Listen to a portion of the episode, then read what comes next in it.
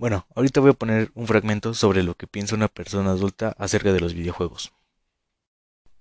Ok, mi nombre es Juan José Gómez Vallejo, estudiante de psicología de una escuela de universidad. Em, mi perspectiva de los videojuegos es que a lo mejor últimamente ha tomado un rumbo bastante diferente a lo que antes se pensaba.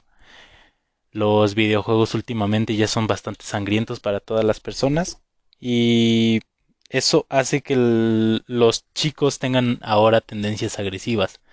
Hacen que a lo mejor no puedan llegar a respetar a personas mayores.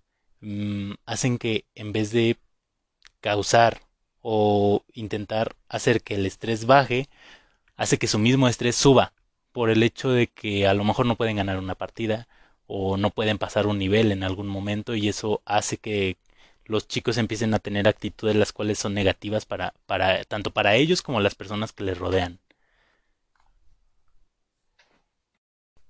Y bien, pues supongo que esa es mi sincera opinión acerca de los videojuegos actualmente. Por mi parte sería todo y pues muchas gracias por escuchar.